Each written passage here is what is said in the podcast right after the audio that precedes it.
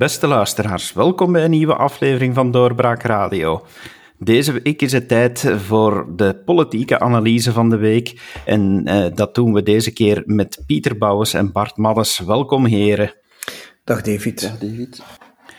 Heren, het dossier dat momenteel heel hard leeft is uiteraard het dossier omtrent de PFOS-vervuiling in Zwijndrecht en omstreken in de buurt van Oosterweel. Maar het is allemaal begonnen, politiek gezien dan toch, met de demarge van minister Zoualdemir. Denken jullie dat dat uh, blijft hangen, de manier waarop dat zij dat toen heeft afgehandeld, meneer Bouwens?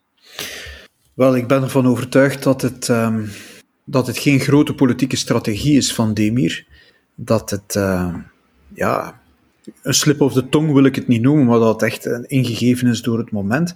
Maar ik ben er wel van overtuigd dat het zal blijven hangen. Um, het wordt daar niet in dank afgenomen, niet in de regering, uh, en zeker niet door, door CD&V. Dat zal blijven hangen. Maar ik vrees dat daar ook wel uh, voor haar, moet ik zeggen, een politiek positieve kant kan aan zijn.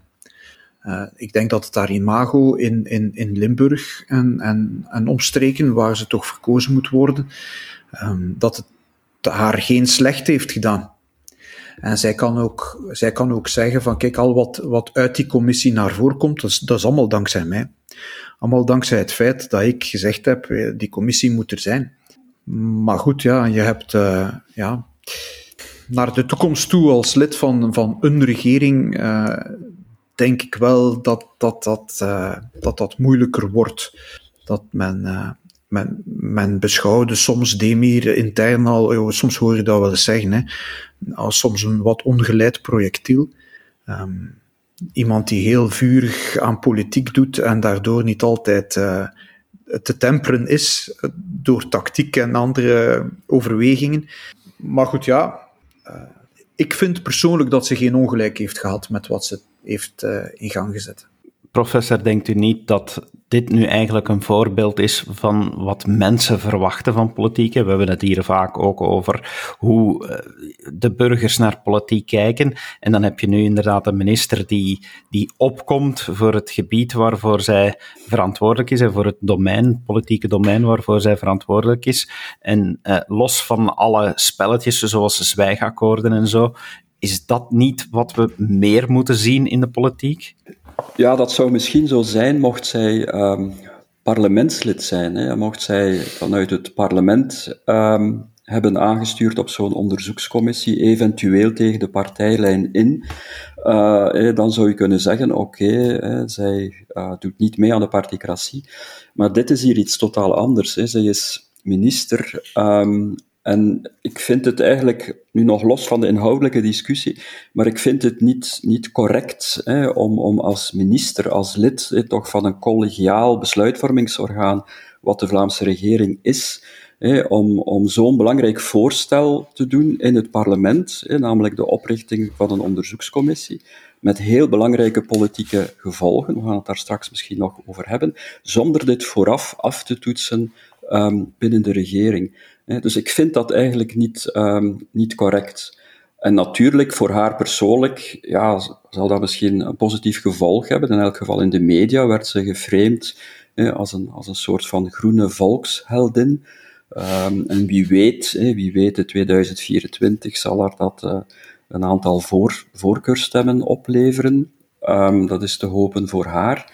Um, de vraag is, ja, weegt dat dan op hè, tegen het, eh, het, doorbreken van de basisloyaliteit um, binnen de Vlaamse regering? En toch ook voor een stuk, ja, Pieter verwees er al naar, het, het verpesten eigenlijk ook van de sfeer binnen de Vlaamse regering, het verzwakken ook van de positie van de NVA binnen die Vlaamse regering, uh, en dan met name ook van de minister-president uh, binnen de Vlaamse regering. Hè. Dus weegt dat allemaal op ja, tegen dat eventuele persoonlijke succes uh, voor Suhal Demir? Dat is toch wel een open vraag wat mij betreft. Ik kan me toch ook niet van de indruk doen dat in, in waar Demir nu zit, hè, natuur, en, en waar CD&V de laatste tijd eigenlijk heel lang ook de minister heeft ge geleverd, dat er ook een soort rancune speelt naar die CD&V toe. Uh, er is heel veel kritiek op, op, op een aantal dossiers die, die Demir ook nu heeft gehad. Ehm, en ik heb de indruk dat zij daar de zwarte piet niet wil voor krijgen. En dat dat misschien wel meespeelt om, ehm, om ja, de CD&V-kleur te doen bekennen van ja, luister, dus, het wordt tijd om, ehm, om verantwoording af te leggen van het beleid dat jullie in, in het Vlaamse ruimtelijk natuurbeleid, waar jullie een belangrijke rol hebben ingespeeld. Ik denk, ik kan mij niet van een indruk ontdoen dat dat meespeelt als je zo een keer hoort wat er allemaal gezegd wordt uh, daarover in alle stilte. Het zou mij niet verwonderen moest dat meespelen. En dan, dat, dan, brengt dat ook alles een beetje in een ander perspectief. Um, Demir die hier een kans ziet om, uh, ja, om rekening te verheffen. Hè. Zou dat een, een, ja, algemeen niet kunnen gezegd worden van die onderzoekscommissie? De politieke gevolgen die daar kunnen uitvolgen, die zijn toch wel enorm, want dit gaat redelijk ver terug in de tijd ook, dus daar zijn behoorlijk wat politici bij betrokken. Ja, maar ik denk dat er inderdaad zodanig veel politici en zodanig veel partijen bij betrokken zijn dat wat daaruit komt zeer minimaal zal zijn. Uh, er kunnen te veel slachtoffers zijn om echt heel diep te graven, vrees ik. Uh, als je ziet, uh, de burgemeester van Zwijndrecht is al jaren een groene. Er zitten groene ministers uit de paarse periode, CD&V-ministers. Er zitten N-VA-ministers bij ja, dan heb je toch al een heel grote groep mensen die, of partijen die toch op een of andere manier zullen proberen, ja, of er belang bij hebben dat niet het onderste uit die kan komt.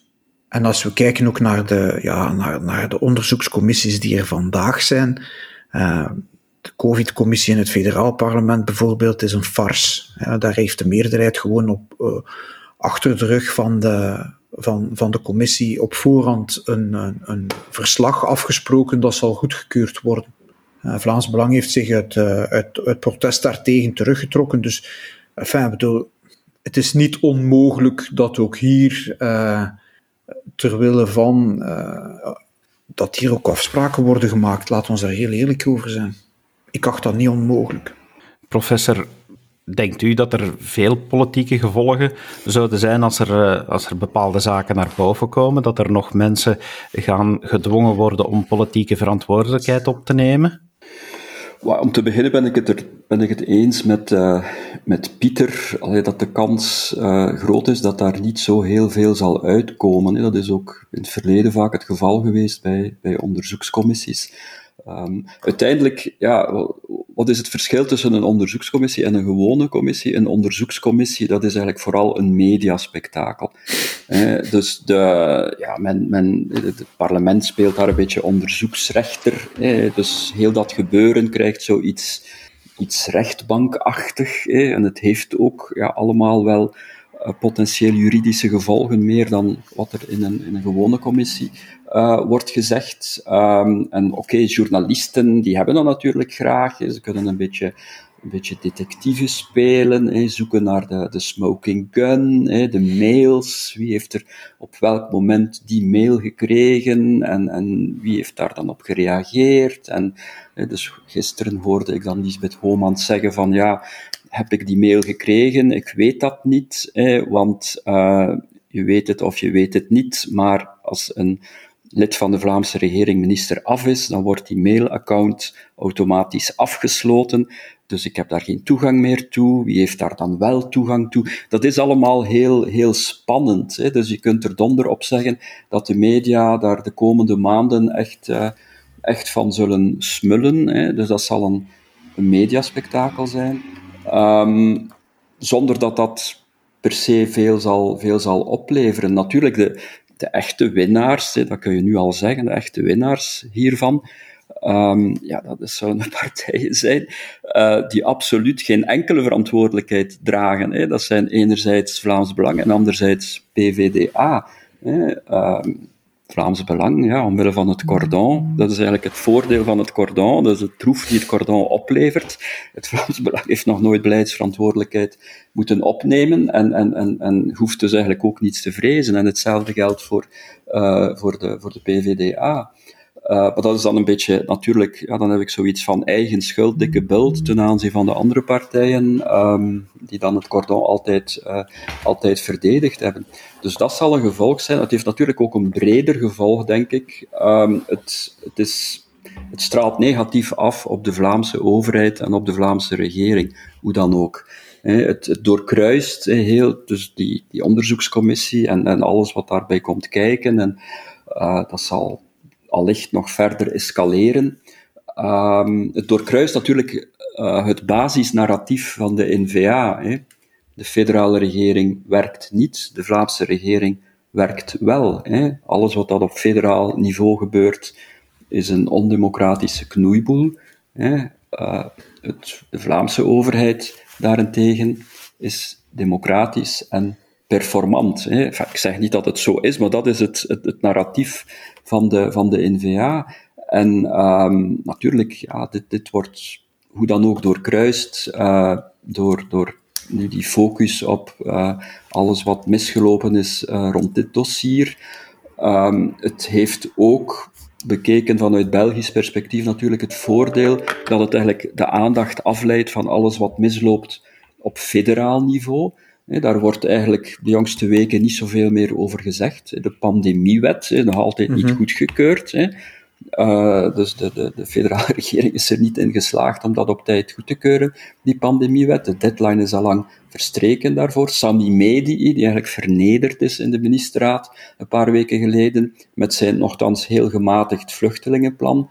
Um, de begrotingsproblematiek die dreigt te ontsporen. Al die problemen die, die de regering voor zich uitschuift. De hoofddoekensoap rond uh, de regeringscommissaris voor het Centrum van Gelijkheid voor Mannen en Vrouwen, enzovoort, enzovoort. Dus je ziet dat heel die PFOS, PFAS-zaak, waar de media nu op gefixeerd zijn, dat dat eigenlijk dient als een soort bliksemafleider, of dat dat de facto fungeert als een soort bliksemafleider. Mm Dat is natuurlijk slecht nieuws voor, voor de Vlaamse regering, maar eigenlijk ook voor, ja, voor de NVA en, en voor het Vlaams nationalisme.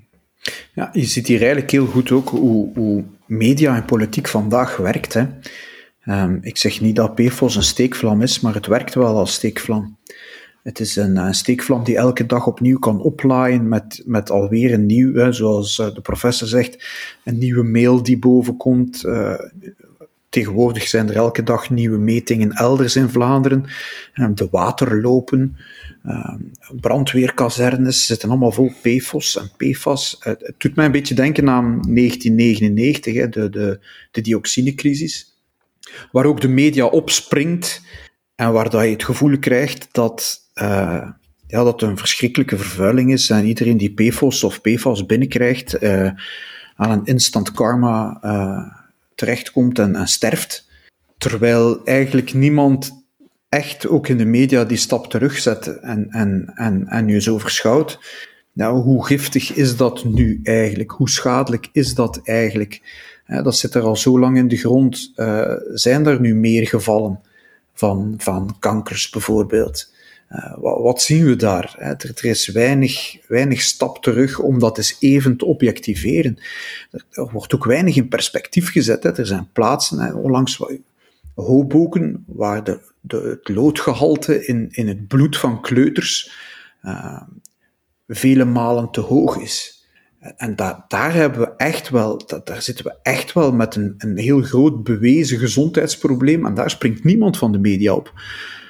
Hoe komt dat? Ja, ja past het niet uh, in, in, in, in, in, in het verhaal dat men wil vertellen? Ik weet het niet, maar het, het is ook een beetje, ja, ik, ik, zou, hier, het hier met een sisser kunnen aflopen? Ik weet het niet. Ik ben geen toxicoloog. Ik weet ook niet hoe dat allemaal in elkaar zit. Maar uh, ik, ja, de dioxinecrisis is ook grotendeels met een sisser afgelopen. Laat ons daar heel eerlijk over zijn. Professor, u zei net iets heel interessants. U zegt, uh, dit is voor een stuk ook blikseme afleider van wat federaal misloopt. Is daarmee misschien ook de houding van Open VLD te verklaren? Want uh, fractieleider Schilds, die, die is toch wel heel gretig op die onderzoekscommissie ook gesprongen in het Vlaams parlement. Zou dat, uh, zou dat effectief een, een keuze kunnen zijn van de partij, een partijstrategie om uh, het narratief van ja, onder andere NVA te doorbreken en toch meer weer ja, proberen te zeggen, oké, Vlaams loopt het mis, maar als het allemaal Belgisch georganiseerd is, loopt het beter? God, ik, ik zou Open VLD nu niet echt verdenken van zoveel strategisch vernuft. Eigenlijk, ik heb de indruk dat dat eigenlijk allemaal nogal stoemelings gebeurd is. Hè? Dat dat um, een dossier was dat, dat, dat, waar, waarover men plotseling de controle is verloren, hè? als gevolg hè, van de, de verrassende demarche van, van Zuhal Demir. Um, en dat men dan, ja, om de schade te beperken, uiteindelijk heeft gezegd van oké, ja, bedoel, kunnen we eigenlijk bijna niet verder dan, dan een onderzoekscommissie um, oprichten. Uh, dat dat nu een groot politiek complot was, um, daar geloof ik eigenlijk niet in. Maar het is natuurlijk ook wel, wel mooi meegenomen. Uh, dat wel. Nu, ja, Open VLD zal ook wel op een of andere manier uh, onder vuur komen. Hè? Dus uh, in, in, in, die commissie. Dus eigenlijk iedereen die ja, beleidsverantwoordelijkheid heeft opgenomen in Vlaanderen de, de voorbije decennia, zal, zal wel op een of andere manier ja, uh, in het vizier komen van die, um, van die commissie. Er is één, op, één opmerking, David, die eigenlijk heel vaak terugkomt. Als je zo contacten hebt met mensen in kabinetten en, en, en uh, medewerkers van politici ook achter de schermen, dan zeggen die altijd, wij hebben vaak heel veel plezier in, in wat analisten en journalisten allemaal zeggen en schrijven. Je zou er verbaasd over staan hoeveel aan stoemelings eigenlijk gebeurt, waar journalisten altijd grote complotten, bewegingen en, en gedachten achter zien, terwijl het eigenlijk gewoon vaak toeval is. Dus ja, we moeten daar soms wel voor voorzichtig zijn, denk ik. Laat ons toch het plezier om uh, in deze podcast die analyses te maken. En in die zin, uh, nog een analyse die, die we misschien eens moeten maken, is dan toch in die onderzoekscommissie de rol van PVDA, die, uh, die met het bekende beeld van de doofpot heeft gezwaaid en waar vandaag dan toch blijkbaar een mouw gaat aangepast worden door een wijziging van het reglement. Die, die samenstelling, hm. meneer Bouwens, vindt, vindt u dat goed dat die samenstelling nu uh, ad hoc gewijzigd wordt, zodanig dat, dat PVDA daar kan gaan inzetelen? Ja, ik vind dat, uh, ik vind dat kosher, uh, politiek juister. Volgens de regels was het allemaal wel uh, 15 mensen in die commissie en dan valt PVDA daaruit en, en ook de meeste andere commissies in het Vlaams parlement hebben 15 leden. En, maar dan zie je toch dat, dat als ik mij niet bedrieg bij de COVID-commissie in het Vlaams parlement, zij als, als lid toegevoegd waren. En ik vind dat juist.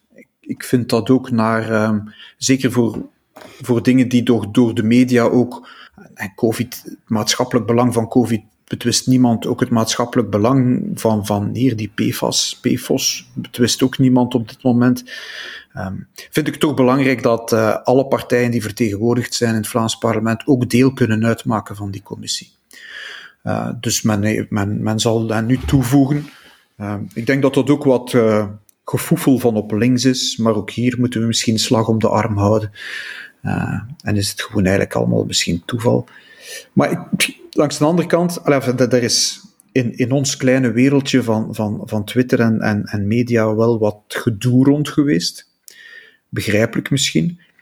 Maar als je ziet wat er in, de federale, in het federaal parlement gebeurt, om Vlaams Belang buiten te houden of te zorgen dat ze één zetel minder hebben in zo'n commissie. Hè, dat men eigenlijk de eigen kamerreglementen niet meer toepast en op een andere manier gaat tellen. Uh, of, of dat er achterkamerpolitiek gebeurt om, om ze buiten een bureau van een commissie te houden. Uh, of in de COVID-commissie is Vlaams Belang dan toch lid van het bureau die, die, die de organisatie van die commissie moet doen. En wat doen ze vervolgens? Ja, ze roepen het bureau nooit samen, want het Vlaams Belang zit erin. En dan komt die COVID-commissie bijeen en, en dan zijn de conclusies al eigenlijk allemaal beklonken door de meerderheid. En dan, daar wordt veel minder in de media dan, dan rondgeschreven. En dat vind ik eigenlijk gewoon ronduit hypocriet. Ja, in, in het Vlaams parlement gebeurt het ook. Hè. Ik heb uh, een paar maanden geleden daarover geschreven in Doorbraak met betrekking tot uh, de werkgroep institutionele zaken. Mm um, dus dat is dan hè, de, de werkgroep binnen het Vlaams parlement die, de, die een nieuwe staatshervorming voorbereidt. Hè. Dat was ook zo voorzien in het uh, Vlaams regeerakkoord. ja. um, en dus volgens het reglement van het Vlaams parlement moet dus zo'n werkgroep um, proportioneel worden samengesteld, dus met toepassing van de delenreeks DONT. DONT, ja. Um, en als je dus, de normale commissie heeft 15 leden, en volgens de huidige zetelverdeling in het Vlaams parlement eh, hebben dus de Vlaamse nationalisten, N-VA en Vlaams Belang een meerderheid eh, van acht mm zetels en de rest heeft, heeft zeven zetels. Nu, ik heb, me daar eens mee bezig gehouden om eigenlijk uh, vanaf 1 tot, tot 15 zetels in zo'n commissie is dus eigenlijk die, die zetelverdeling te bepalen, te berekenen. Um, en er is één commissie waar de Vlaamse nationalisten, of, of één eh, samenstelling waarbij de Vlaamse nationalisten hun meerderheid verliezen in die commissie. En dat is een samenstelling van zeven zetels. Hè. Als je een commissie hebt met zeven zetels, dan hebben de Vlaamse journalisten er drie en de andere partijen vier.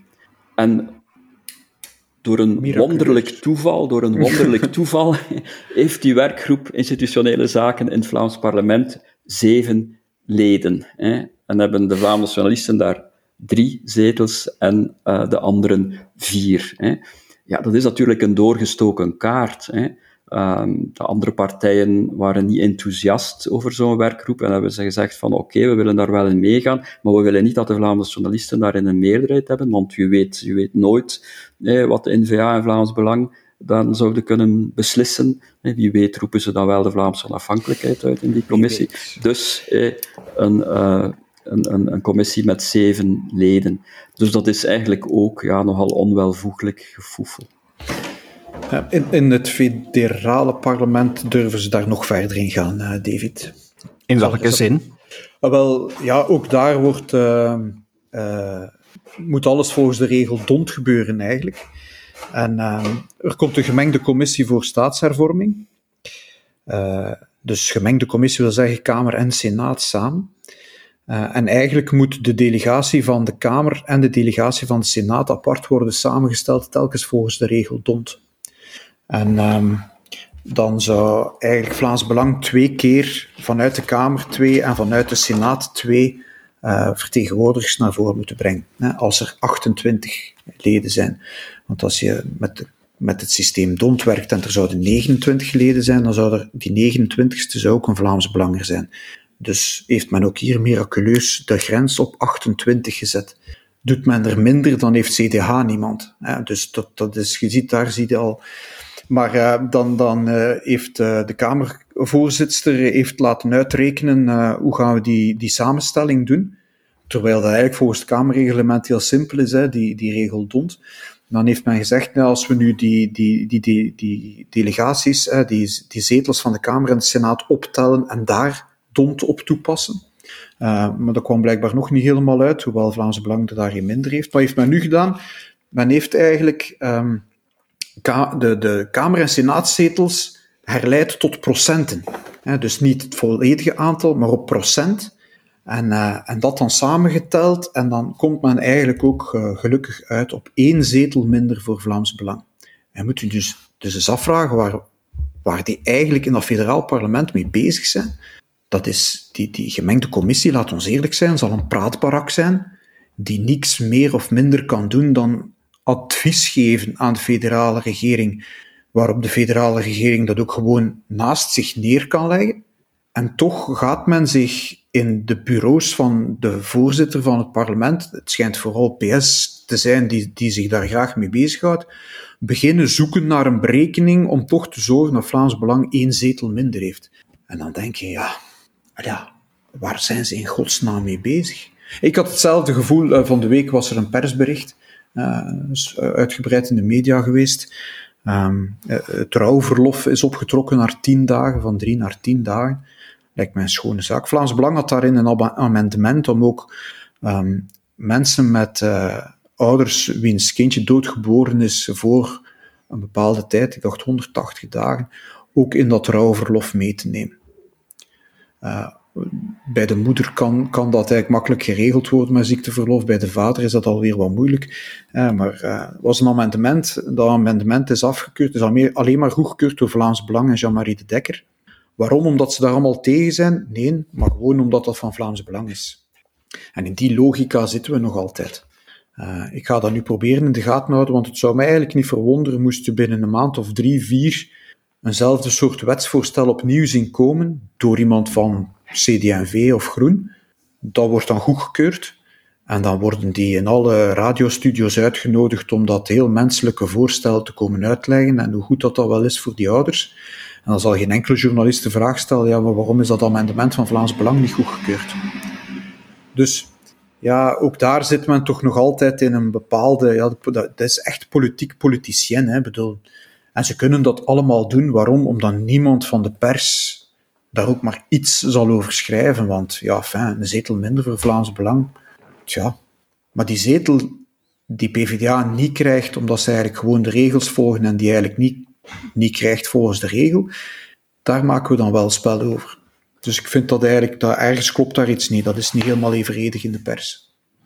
Ik denk dat we de pers dan toch moeten formuleren als de pers buiten doorbraak. Want ik heb de indruk dat we hier een hoofdredacteur hebben die daar wel gaat opletten. En uh, dat we tegelijk een professor uh, hier hebben die, die ook wel het vak politieke wiskunde uh, zal, zal opnemen. In, een heel bijzonder vak, ja. In, in zijn cursus. Even terug naar, naar de Vlaamse regering. We hebben natuurlijk ook het dossier van de opkomstplicht. Uh, we hadden het vorige week in onze podcast met jullie collega's uh, Drabbe en De Vos daar ook al over. Maar professor, denkt u dat, dat CD&V daar uh, nog altijd gaat in meegaan in het afschaffen van die opkomstplicht? Want dat, dat blijft toch wringen bij hen blijkbaar. Ja, dat blijft inderdaad wringen. Nu, we kennen allemaal de spreuk, wie in put graaft voor een ander, die valt er zelf in. Uh, maar in dit geval lijkt het eerder ja, dat CD&V een put graaft voor zichzelf, voor zichzelf. en er dan ook in valt. Hè. Dus die zaak van de opkomstplicht, um, ja, dat is een, een probleem dat CD&V zich, zich echt heeft laten aanpraten. Hè. Uh, alsof dat, dat nu eh, de essentie is van uh, het CD&V-programma of de, of de CD&V-ideologie, dat je mensen tegen hun zin naar het stemlokaal moet sleuren. Um, ja, dat is natuurlijk, dat is natuurlijk onzin. Um, dat, dat dat nu zo essentieel is voor die verbondenheid waarvoor CD&V dan zegt te staan. Uh, men heeft zich daar echt in, in, de hoek laten duwen. Hè. Ehm, CD&V heeft zich bij de vorming van de Vlaamse regering niet verzet daartegen. Dat was natuurlijk geen eis van CD&V, vooral Open VLD drong, drong, daarover aan, drong, drong daarop aan. Maar had CD&V eh, ook maar één keer gezegd van eh, no passaran, dat is de rode lijn voor ons, opkomstplicht willen wij niet afschaffen, ja, dan zou de opkomstplicht ook niet afgeschaft zijn, dan zouden we waarschijnlijk toch dezelfde Vlaamse regering gehad hebben. Zou Open VLD dan misschien op een ander punt uh, iets hebben kunnen binnenhalen? Um, de CD&V ja, heeft zich daar toen niet tegen verzet, hoewel ook ja, de fractie in het Vlaams parlement toch ook nauw betrokken was bij die onderhandelingen. Die onderhandelingen zijn ook op een vrij normale manier gevoerd bij de Vlaamse regeringsvorming. Uh, men heeft daar rustig de tijd voor genomen. Um, men had ook kunnen, ja, men wist ook voor het congres dat dat een van de belangrijke punten was in het Vlaamse regeerakkoord. Uh, en dan is het natuurlijk heel raar dat, dat CD&V, nu, nu dat er ja, bepaalde progressieven storm en brand schreeuwen over die opkomstplicht, nu plots hun kar uh, lijken te keren. Het is ook absoluut deloyaal um, van Joachim Koens. Hè. Dat doe je gewoonweg niet. Hè. Het is eigenlijk zijn voorganger uh, zijn voorganger afvallen. Hè. Wouter Beke heeft dat als, als, als voorzitter hè, dat regeerakkoord uh, mee onderhandeld namens CD&V, heeft dat goedgekeurd. Voorzitters komen en gaan natuurlijk bij de politieke partijen. Uh, ja, dan is het ook normaal hè, dat, dat een nieuwe voorzitter loyaal hè, het akkoord dat zijn voorganger heeft afgesloten blijft verdedigen. Hè. Dus het feit dat, dat Joachim Koens nu plots allee, terugkrabbelt en dan zo op een heel halfslachtige manier duidelijk maakt dat hem dat eigenlijk niet, niet zint, en dat hij het eigenlijk goed zou vinden mochten de parlementsleden, de CD&V-parlementsleden, uh, dat niet goedkeuren in het Vlaams parlement, ja, vind ik eigenlijk ook problematisch.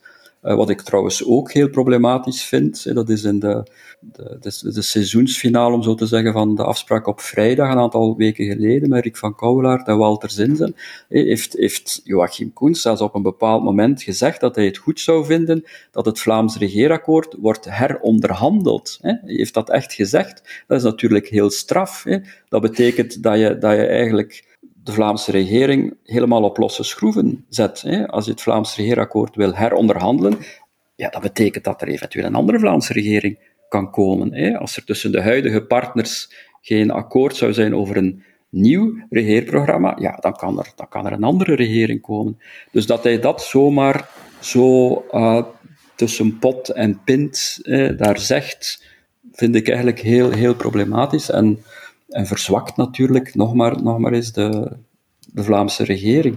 Het verzwakt ook het beeld van de CD&V, hè? Ja, absoluut. En... Die, ja, het versterkt het beeld van de CD&V die helemaal vastzit in die logica van het compromis ook. Hè. Wij zijn de compromispartij. Maar je kan eigenlijk maar een compromis sluiten als je zelf ergens voor staat.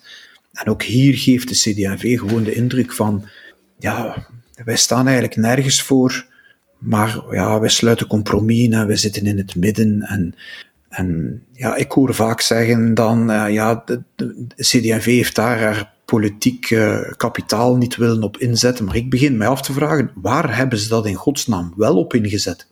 En wat hebben ze in ruil gekregen voor de afschaffing van die opkomstplicht als je daar eigenlijk echt zelf tegen bent?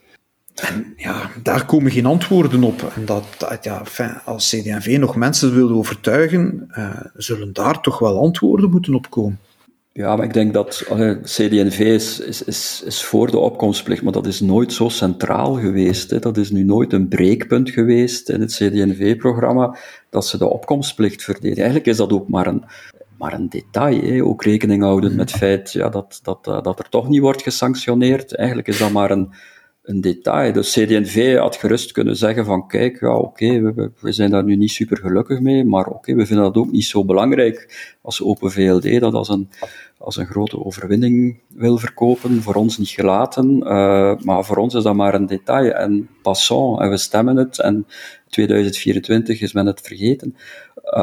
Maar, maar door zich daar nu zo in vast te rijden, um, ja, maakt men het nu natuurlijk belangrijk en, en zal het natuurlijk worden geframed als een, als een grote nederlaag voor CD&V, dat men dat dan toch heeft moeten goedkeuren in het, uh, in het Vlaams parlement, of een nederlaag voor, voor Joachim Koens, of een overwinning voor de particratie, enzovoort, enzovoort. Maar ze, hebben zich daar echt op een ongelooflijke manier in de, in, in de vernieling gereden. Hè. Oftewel gaan ze het niet goedkeuren in het Vlaams parlement, ja, dan is er een groot probleem in de Vlaamse regering, met eventueel hè, als ultieme consequentie dat ze uit de Vlaamse regering uh, worden gegooid.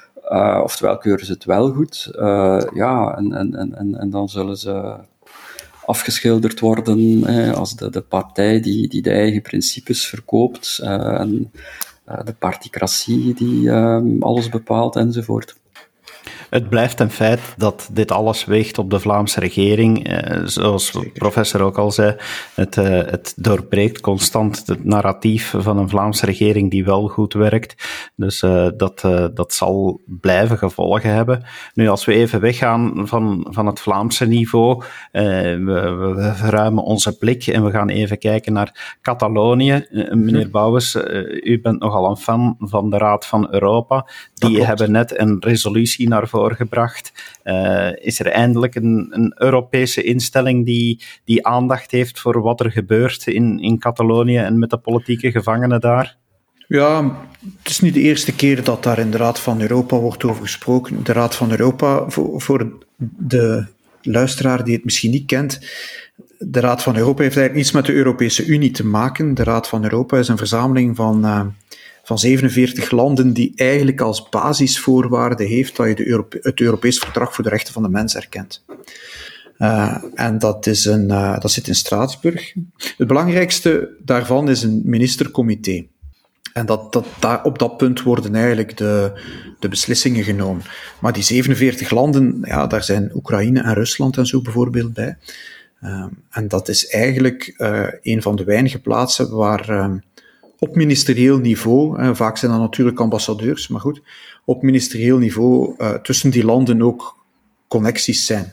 Maar natuurlijk, daar zit ook een, een parlementaire assemblée aan, een parlementaire vergadering met, met 318 parlementsleden. En die zijn natuurlijk heel erg gefocust op, op die, die mensenrechten en de bijkomende verdragen die rond die Raad van Europa hangen. En zij hebben nu een, een, een resolutie gemaakt. Hè. Het punt is dat dat eigenlijk een advies is voor de ministerraad. dus wat de ministers daarmee zullen doen, dat blijft nog even afwachten. Maar ja, het, is toch, het staan toch een paar straffe dingen in. Eigenlijk is het gefocust op, op langs de ene kant Turkije en wat daar allemaal fout gaat. Langs de andere kant is het gefocust op, op, uh, op Spanje en wat daar allemaal fout gaat. Men roept op om, om eigenlijk de, de vrijheid van meningsuiting um, voor politici toch veel meer te beschermen dan vandaag de dag het gebeurt. En eigenlijk heeft zelfs uh, roept, roept de, de, parlementaire vergadering op om, uh, om de definitie van politieke gevangenen zoals die gehanteerd wordt nu bij de Raad van Europa, om die aan te passen. En dat elke, politici, elke politicus die eigenlijk in gevangenschap zit voor, voor uitspraken of, of, of dingen die hij gedaan heeft uh, in het kader van zijn politiek mandaat, dat die daar, wie daarvoor opgesloten is, dat dat eigenlijk een politieke gevangene is. Want ja, mensen die het volgen weten, uh, ja, wat is een politieke gevangene? Amnesty International doet daar ook soms wel lastig over. Uh, maar, maar dan gaan ze eigenlijk wel heel, veel, heel veel verder. Um, ze roepen eigenlijk op om die, om die wet, die, die, op basis waarvan die, die Catalanen veroordeeld zijn, hè, rebellie en opruiing. Um, ja, eigenlijk roepen ze op om paal en perk te stellen aan die uitbreidende uh, uitleg die daarover gegeven wordt en die gebruikt wordt om die, om die Catalanen op te sluiten. Uh, eigenlijk zegt men, uh, die wet voor de opruiing is met geweld. Er is hier in geen enkele mogelijkheid sprake van geweld. Dus ja, eigenlijk, ze roepen ook op om, om, om gratie te verlenen aan de Catalaanse gevangenen. Ze roepen op om elke andere processen, om alle andere processen tegen tegen ambtenaren of tegen andere medewerkers te stoppen. Dus het is eigenlijk wel een beetje um, een oorveeg vanuit die parlementaire assemblée naar, uh, naar Spanje toe. Um, is dat politiek belangrijk? Hm. Uh, ik zeg zelf altijd, je moet dat allemaal een beetje in perspectief zien. De Raad van Europa is niet belangrijk in Europa, maar wel buiten Europa. Voor mensen uit Oekraïne bijvoorbeeld. De Oekraïnse televisie brengt al live zo'n ding, zeker als het over Oekraïne gaat. En voor buitenland is dat belangrijk. Bij ons staat dat in, uh, in de schaduw van, van, de van het Europees Parlement.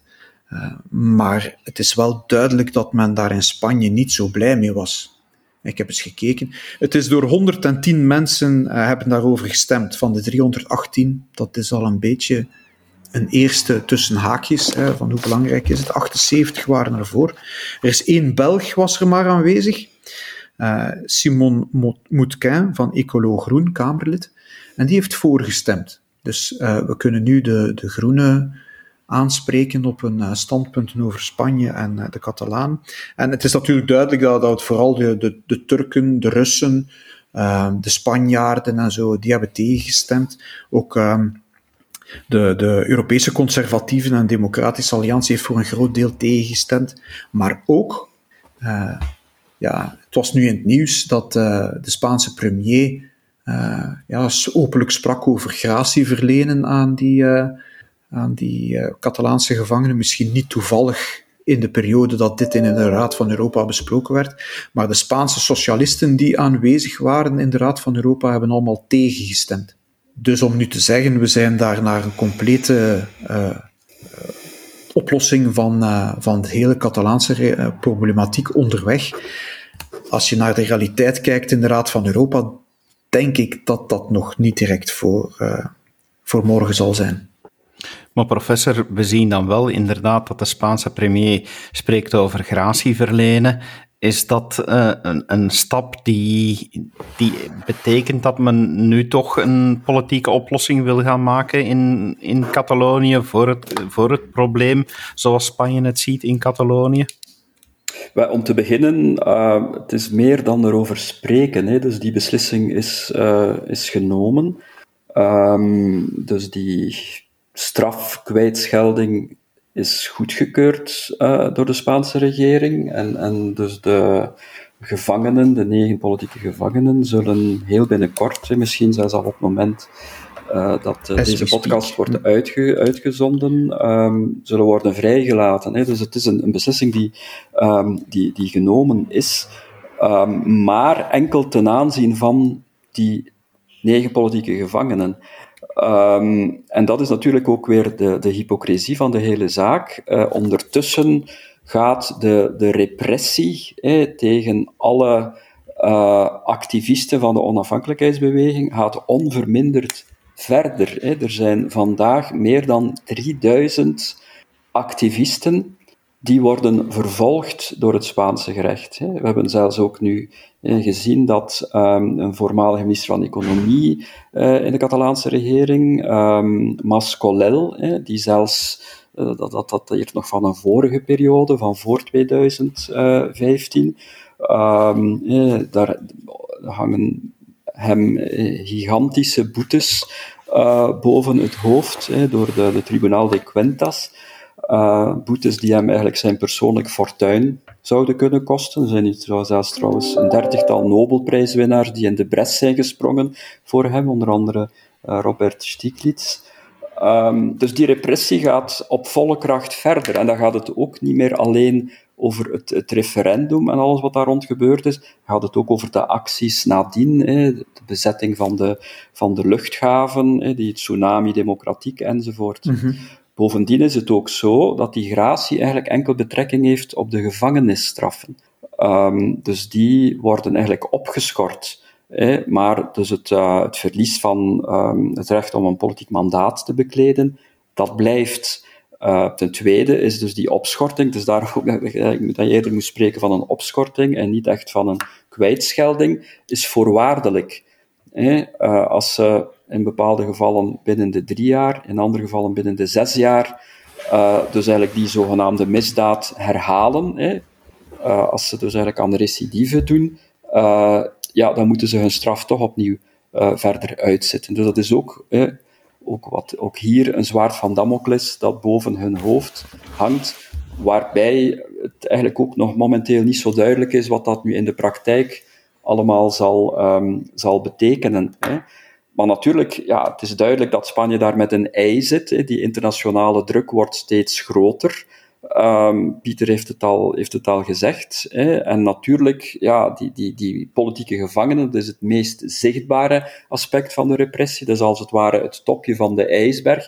Dus natuurlijk, het is in het belang van Spanje om dat topje van de ijsberg uh, te doen smelten hè, via die gratie. Uh, en dan onder de oppervlakte die repressie uh, volop zijn, zijn, zijn, zijn gang te laten gaan. Nu, natuurlijk is dat ook, dat is ook een, een element dat meespeelt. Het is een manier om uh, een, een weg te drijven in de onafhankelijkheidsbeweging.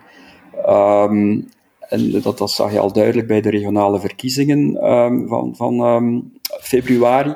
Dus ERC, de partij van Oriol Junqueras, ja, die gaat daarin mee. Hè. Die, uh, die, is, die steunt trouwens ook eh, de regering van Sanchez in het eh, Spaanse parlement. Eh, dus die is bereid tot compromissen. maar dan Junts, de partij van um, Carles Puigdemont, die blijft de radicale lijn aanhouden. En het is ook duidelijk dat uh, dus die gratie die nu wordt verleend door de Spaanse regering van, van Pedro Sanchez, is het resultaat ja, van een, een soort compromis, een pact tussen uh, de ERC en uh, de Spaanse regering. Een aantal weken geleden heeft Oriol Junqueras een open brief gepubliceerd waarin hij eigenlijk verzaakt aan het unilateralisme. Waarin hij duidelijk zegt van kijk, wij blijven voorstander van Catalaanse onafhankelijkheid, maar wij zijn tot het inzicht gekomen dat we dat niet eenzijdig zullen kunnen, uh, zullen kunnen mogelijk maken. Hè, dus dat dat niet unilateraal uh, zal kunnen worden bereikt. Dat moet gebeuren in dialoog met de Spaanse overheid. Hè, en we zijn voorstander van wat ze dan noemen een referendum pactado, dus een, een, een uh, onderhandeld referendum.